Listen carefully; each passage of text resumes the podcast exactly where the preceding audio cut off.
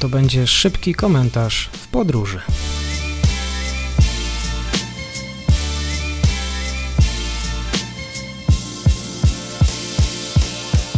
Dzień dobry wszystkim słuchaczom. Wracamy z kolejnym materiałem Komentarz w podróży. Bardzo przepraszam, że jest ich tak mało, ale no cóż, e, czas nie jest z gumy. Dzisiaj chciałbym Wam krótko opowiedzieć o Fidżi. Fidżi, które w trakcie ostatnich 35 lat przeżyło cztery wojskowe zamachy stanu. Krótkie usystematyzowanie wiedzy.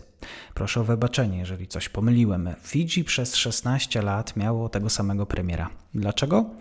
bo zorganizowano tam wojskowy zamach stanu, a następnie doszło do czegoś w stylu przekształcenia e, hunty wojskowej w demokratycznego przywódcę po wprowadzeniu nowej konstytucji i wygraniu wyborów w 2014 i 2018 roku. Ten pan, który rządził tak długo, to Frank Bainimarama, człowiek, który kontrolował wszystko. Obowiązki prezydenta wojsko przekazało mu w 2006 roku. Rok później już był premierem, aż do grudnia 2022.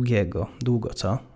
Od grudnia ubiegłego roku mamy nowego premiera. Niestety po impasie politycznym, bo był problem z wynikami. Finalnie Stivieni Rabuka został 12 premierem Fidżi. A teraz coś ciekawego, bo ten nowy premier też dokonał wojskowego zamachu stanu w 1987 roku, twierdząc, że Fidżi traci kontrolę nad swoim narodem na rzecz potomków etnicznych migrantów z Indii. W tym samym roku zainicjował kolejny zamach stanu, by ocalić przywództwo. Rządził w latach 90. Rabuka, szef partii Sojuszu Ludowego, zdobył nominację po utworzeniu większościowej koalicji z dwoma innymi mniejszymi partiami. Czyli podsumowując, nastąpiła taka wymiana wśród starszej eliki. Frank e, Bainimarama odchodzi, a przychodzi stary nowy Steven Rabuka. Jak podają arabskie źródła, Rabuka, który reprezentował swój kraj w rugby i w lekkoatletyce, dowodził dwoma batalionami piechoty w misjach pokojowych w Libanie i na pustyni Synaj w Egipcie.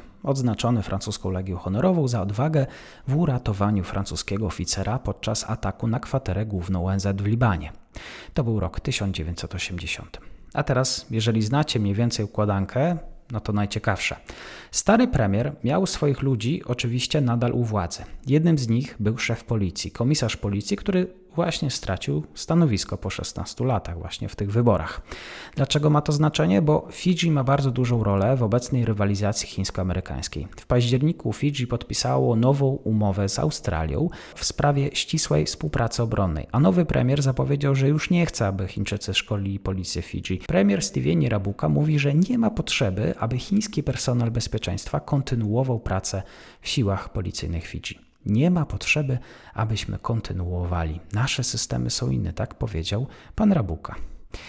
Nasze systemy demokracji po wymiaru sprawiedliwości są różne, więc wrócimy do tych, które mają podobne systemy do nas. Tak powiedział, że funkcjonariusze z innych krajów, takich jak Australia i Nowa Zelandia, mogą zostać, ponieważ ich systemy są podobne do Fidżi. To oczywiście psztyczek w nos dla Chin, bo Minister spraw zagranicznych Chin Wang Yi odbył w maju ubiegłego roku takie tournée po Pacyfiku, m.in. do Fidżi i 10 krajów wyspiarskich. Ambicje Pekinu dotyczące szerszej więzi bezpieczeństwa wzbudziły niepokój sojuszników Stanów Zjednoczonych, no i z porozumieniem wtedy było bardzo ciężko. Wang powiedział, że niektórzy kwestionowali motywy Chin do bycia tak aktywnymi na wyspach Pacyfiku, a jego odpowiedzią było, że Chiny wspierają również kraje rozwijające się w Afryce, Azji i na Karaibach. Na tę wizytę zareagowali Australijczycy, którzy uczynili Wyspy Pacyfiku i m.in. Fidżi celem polityki zagranicznej, priorytetem, co się Chińczykom nie spodobało. Bardzo Wam dziękuję.